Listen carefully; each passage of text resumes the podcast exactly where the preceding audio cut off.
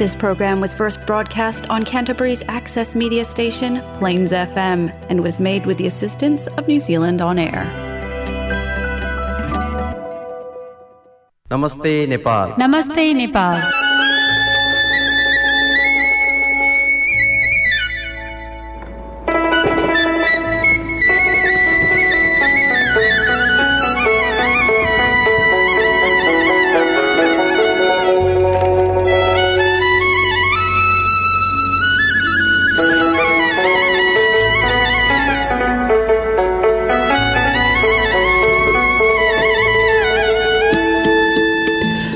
नमस्कार। Plains FM ninety six point nine mega हजमा यो हो क्राइसिसवासी नेपालीहरूको आफ्नै कार्यक्रम कार्यक्रम नमस्ते नेपाल।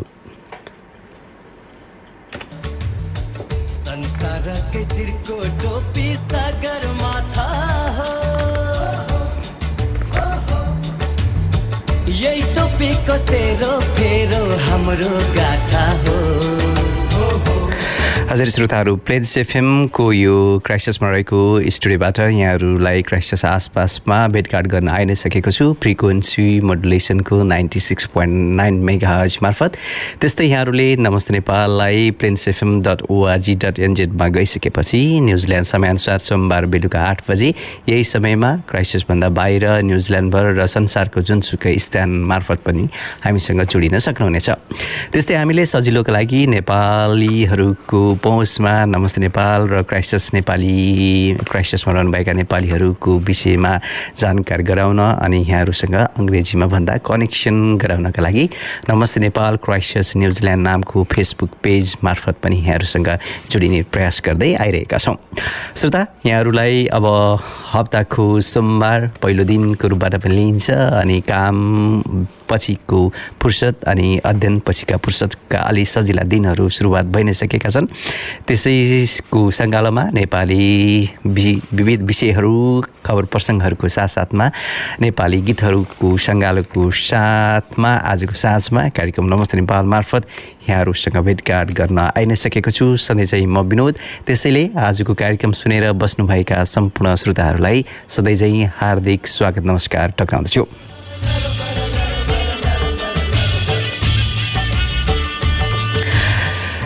हजुर श्रोताहरू यहाँहरू कस्तो हुनुहुन्छ? तराईमा हुस्सु उच्च पहाडीमा हिमपातको सम्भावना बढ्दै गर्दाखेरि नेपालमा सरकार कसरी बनाउने को को मिलेर बनाउने जस्ता कुराहरूले राजनीतिक तहको तापक्रम भने वात्तै बढाएको छ। यहाँहरूले पनि महसुस गर्नुभएको छ होला। देशदेखि धेरै धेरै टाढा रहेर भए पनि। त्यस्तै श्रोता अब कर्णाली प्रदेशको काला पहाड एउटा प्रतिनिधिमूलक खबर र प्रतिनिधिमूलक ठाउँको प्रतिनिधित्व गर्दछ। वा भनौँ काला पहाडको भर पर्नुपर्ने कर्णाली प्रदेशको आफ्नै खालको बाध्यता छ भने त्यसका विभिन्न स्थानमा छिमेकमा वा भनौँ सीमा पारी वा सीमावारीका विभिन्न अप्ठ्यारा ठाउँ स्थानहरूमा आत्मनिर्भर र निर्भर रहनुपर्ने अप्ठ्याराहरू पनि नेपालीहरूको बिचमा रहि नै रहेको छ। छ महिना भारतमा मजदुरी गरेर कमाइ गरेको कमाइले घर परिवारको गुजारा धान्न कठिन हुने भए पनि गरिबी र बेरोजगारीका कारण दुर्गमका बासिन्दाले मजबुरीका लागि मजदुरीका लागि भारत पस्नुको विकल्प छैन। पुरुषविहीन गाउँमा विकास योजना कार्यान्वयनमा जटिलता एकातर्फ छ भने अर्कोतर्फ अर्कोतर्फ पुरुष कमाई गर्न भारत जाँदा महिलाले घर व्यवहार चलाउने छोराछोरी हेरचाह गर्नेदेखि विकास निर्माणका कामहरू धान्दै पनि आइरहेका छन् जुन कर्णाली प्रदेशको कुरा हो जुन कमाइको लागि काला पहाडको भर पर्नुपर्ने अवस्था पनि छ। श्रोता राष्ट्रिय जनगणना दुई हजार अडसट्ठी अनुसार सोह्र लाख चौरानब्बे हजार जनसङ्ख्या रहेको कर्णालीमा झन्डै छ्यालिस प्रतिशत बेरोजगार रहेका छन् जसमध्ये पाँच लाख चौध हजारको आसपासमा वा भन्दा बढी वैदेशिक रोजगारीमा गएको कर्णाली प्रदेश योजना आएको तथ्याङ्कमा छ। जस्तै जसमा झन्डै छ्यासी प्रतिशत अर्थात् चार लाख बयालिस हजारभन्दा बढी भारतका विभिन्न स्थान ठाउँमा मजदुरी गर्दै आइरहेका छन् र त्यसमध्ये काला पहाडको भर पनि त्यस्तै हो। वैदेशिक रोजगारीले ल्याएका खुसी र त्यसले दिएका पीडाहरूको पनि हाम्रा अनगिन्ती पानाहरू भिजेका छन् पानाहरू लेखिएका छन् कुरिएका छन् र सुन्ने र सुनाउनेहरूको पनि हाम्रो उस्तै खालको तारतम्यता छ। सुन्नेहरूले नसुनेका अवस्थाहरू पनि छन्। यस्तै खालका खबरहरूका साथमा आजको कार्यक्रमलाई सुरुवात गरि नै सकेको छु। त्यो बाहेक श्रोता महोत्तरी लगायत तराईका जिल्लामा जाडो बढेपछि जनजीवन प्रभावित भएको कुरा त मैले उठाइ नै सकेको छु।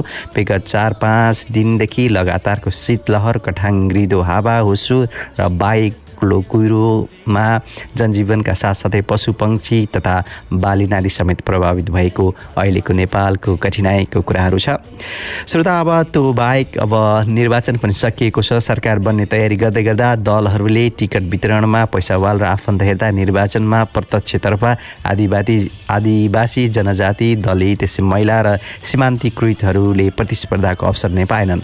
दलहरू निर्वाचन मार्फत संसदीय प्रतिनिधित्व साम समानु समानुपातिक र समावेशी बनाउनमा धेरै नै कमजोर देखि धेरै नै कमजोर ठहरिए पनि।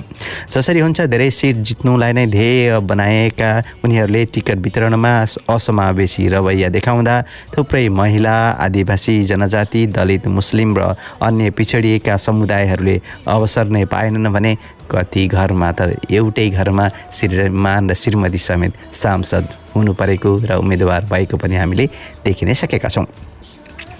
हाम्रो गणतन्त्र र लोकतन्त्र भनेको भोगबाट मुक्ति हो भन्ने हामीले बुझेका हौँ विभेदबाट मुक्ति पनि हाम्रो अपेक्षा हो अपमान र हिंसाबाट मुक्ति पनि हामीले बुझेकै हो। यदि त्यो छैन भने लोकतन्त्र छैन भन्ने बुझ्नुपर्दछ त्यसपछि जनताले मुक्तिदाताको खोजी गर्दछन्। त्यो भनेको तानासा पनि हुनसक्छ भन्ने कहिलेकाहीँ जगजगिएको गजगछिएको एउटा प्रसङ्ग पनि हो। हुन त श्रोता नेपालको संविधानमा कल्पना गरेको समाजवाद उन्मुख राष्ट्र प्राप्तिका लागि केजरीवालका कामहरू उदाहरण बन्न सक्छन्। हरेक जनताको पहुँचमा रहे नि शुल्क शिक्षा स्वास्थ्य समाजवादका प्रमुख आधार हुन्।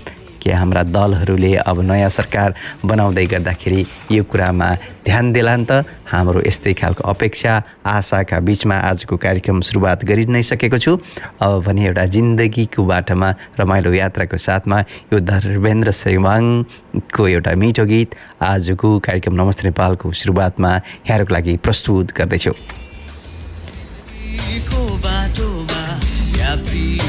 भेटिन्छन्। यात्रा जीवन कथा बन्दछ साथी धेरै बन्दछन् कोही बिचमै छाड्छन्। जिन्दगीको नियति यस्तै छ। कोही सधैँ रहन्छन् दुःख सुखमा साथ दिन्छन्। कोही पराई छाडेर गइदिन्छन् तर किन सधैँ सँगै सबै साथमा हुन?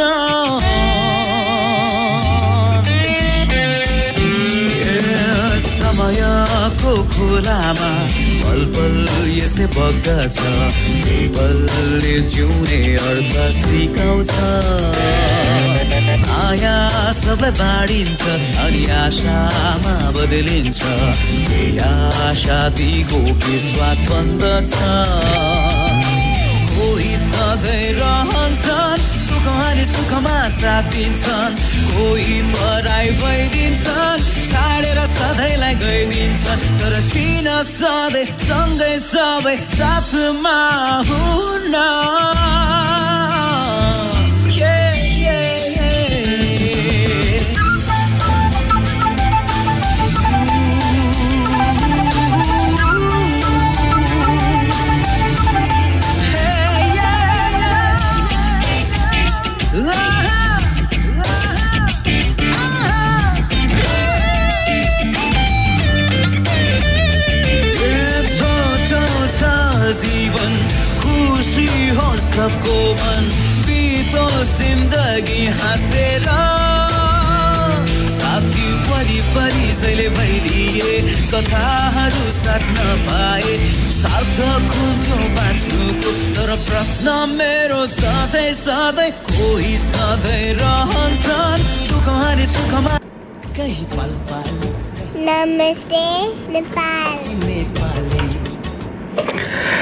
हजुर श्रोताहरू यो मिठो मिठो गीतपछि यहाँहरूलाई फेरि पनि कार्यक्रम नमस्ते नेपालमा हार्दिक हार्दिक स्वागत गर्न चाहन्छु। श्रोताहरू यहाँहरूले प्रसङ्गहरूको साथमा मिठो मिठो गीतहरूको क्रम पनि यहाँहरूलाई प्रस्तुत गरि नै सकेको छु।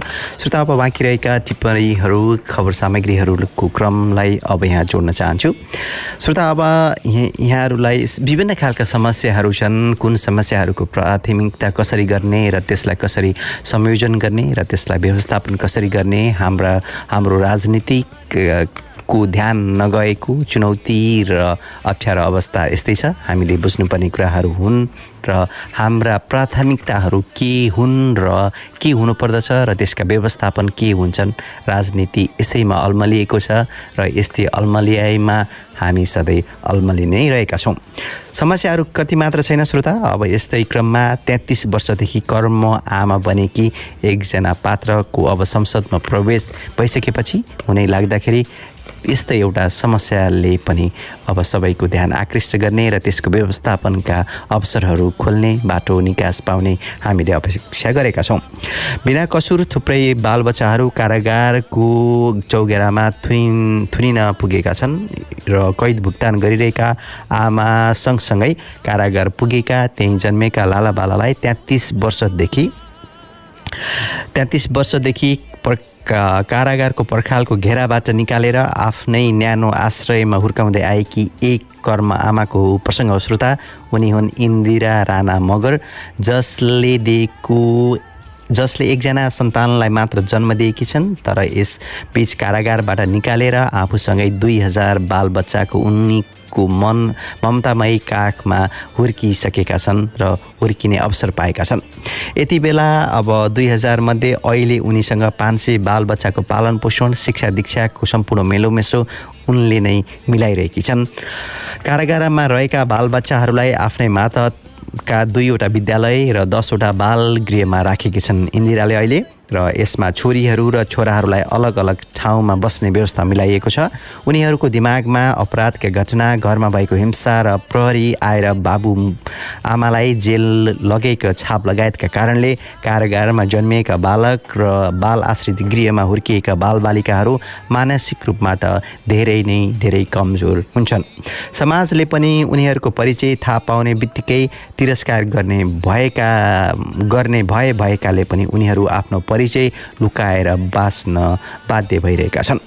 श्रोता अब इन्दिरा राष्ट्रिय स्वतन्त्र पार्टीको तर्फबाट ती बाल बच्चाको हक हितका लागि समाजमा व्याप्त व्यथिति विरुद्ध संसदमै आवाज उठाउने ठाउँमा पुगेकी छन्। हेरौँ केही परिवर्तनको आशा गरौँ आगामी दिनमा।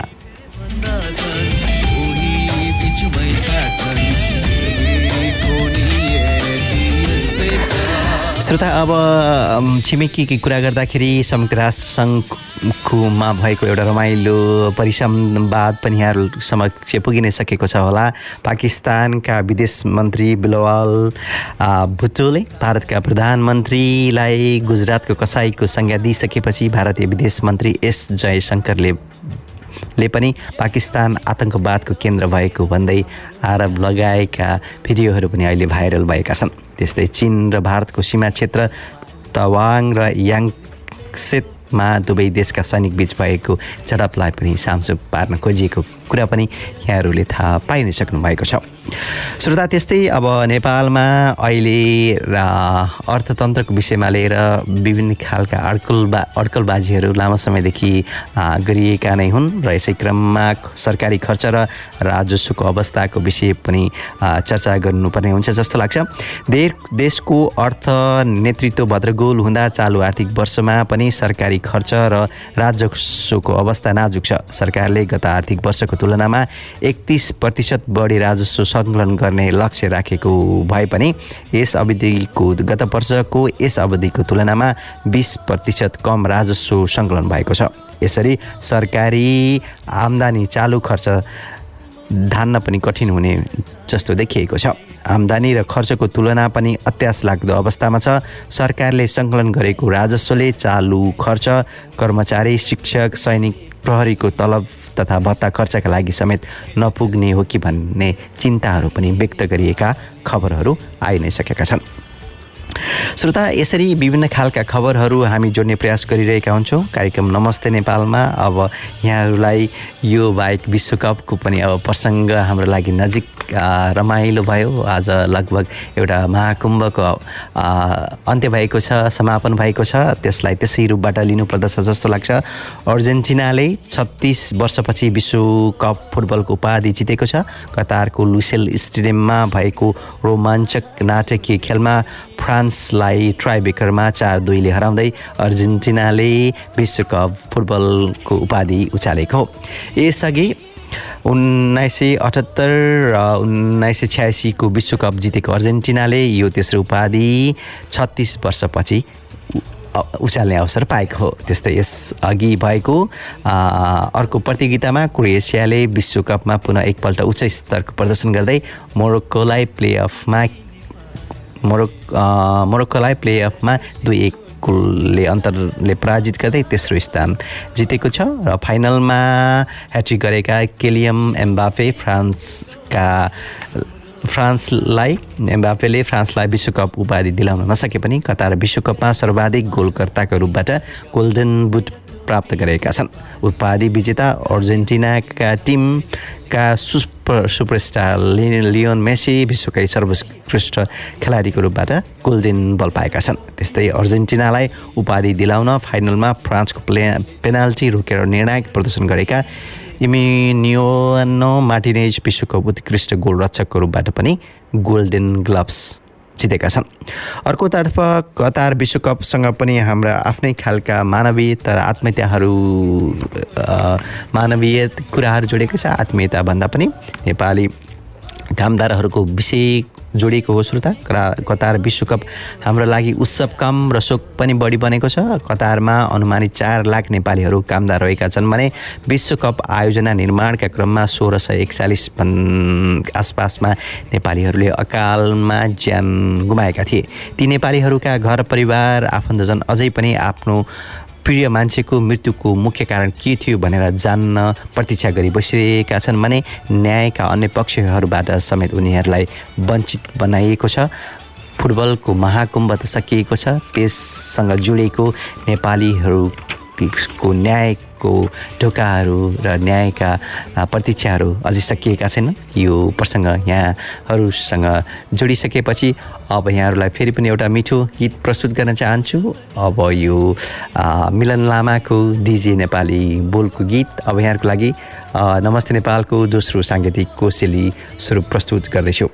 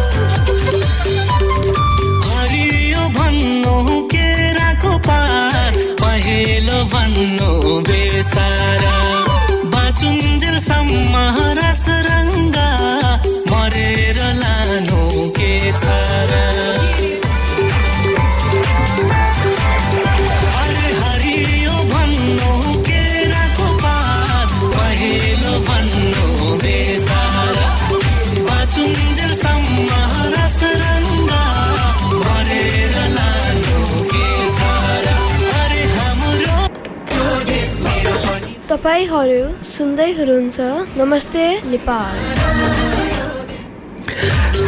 हजुर श्रोताहरू यो मिठो मिठो गीतपछि कार्यक्रम नमस्ते नेपालको पनि म अब उत्तरार्धमा आइ नै सकेको छु। बेलुका आठ बजीदेखि Plains FM ninety six point nine megahertz मार्फत यहाँहरूले कार्यक्रम नमस्ते नेपालसँग जोडिने प्रयास गर्दै रहनु भएको छ होला भन्ने विश्वास लिएको छु।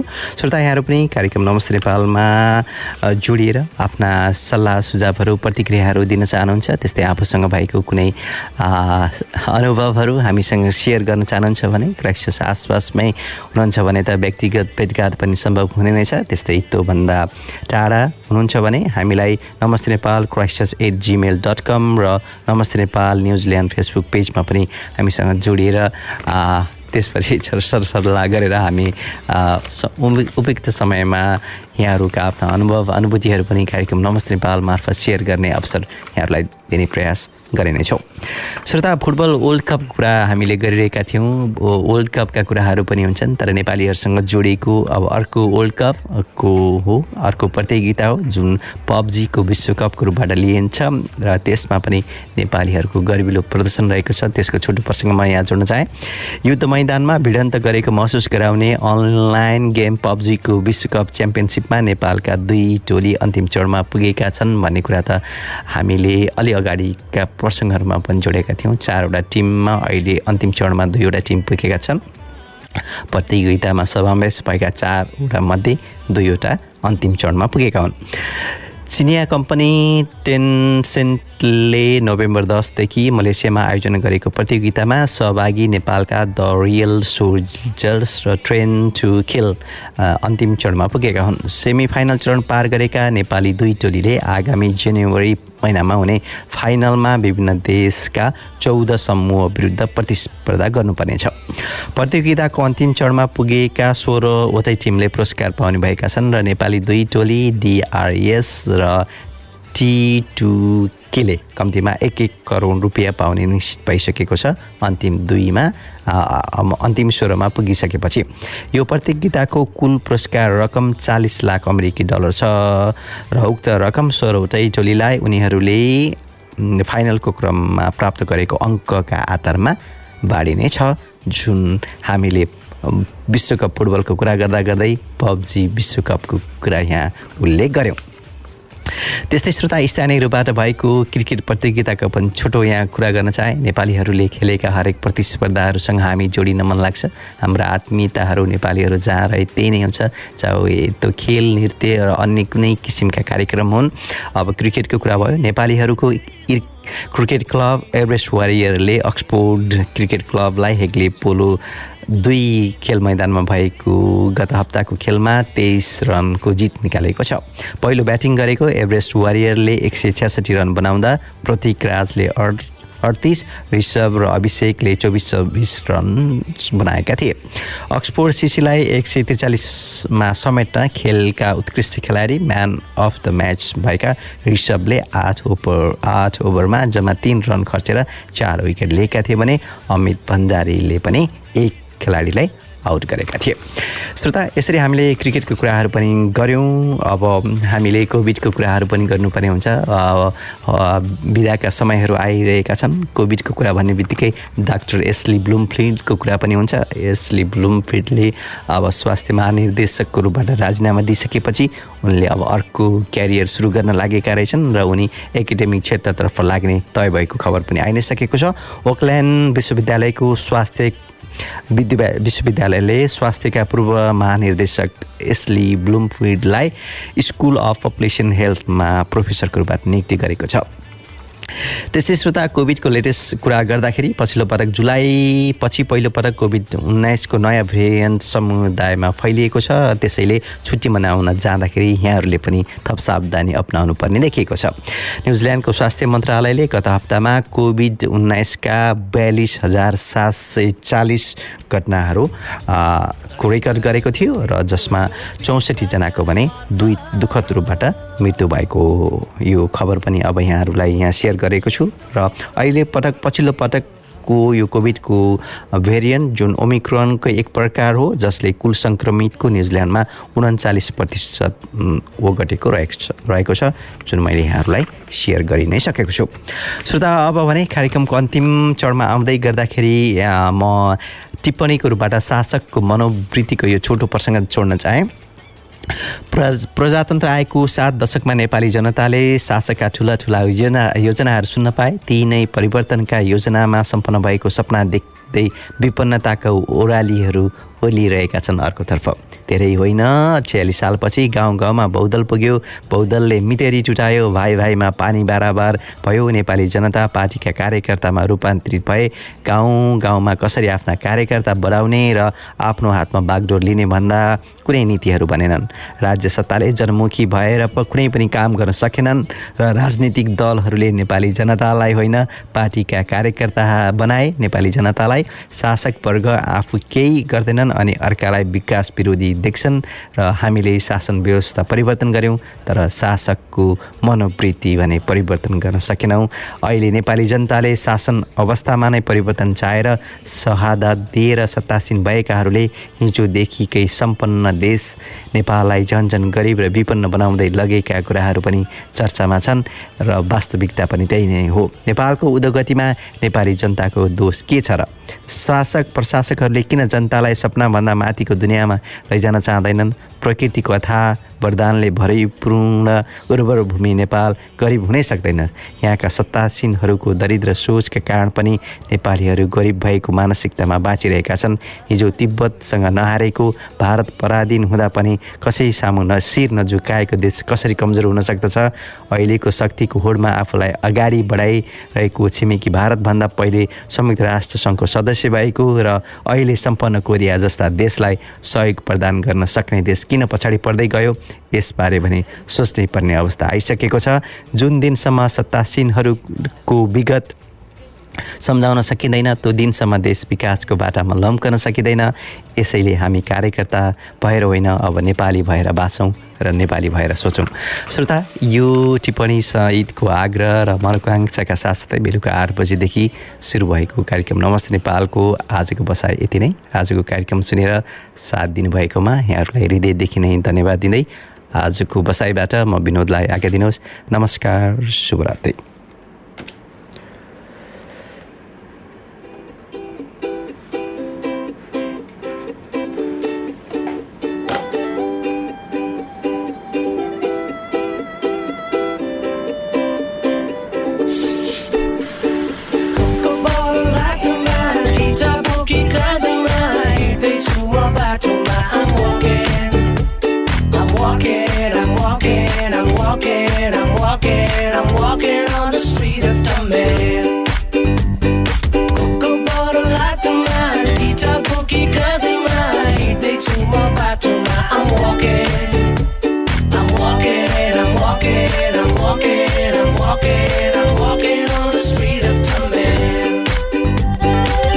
नमस्ते नेपाल नमस्ते नेपाल।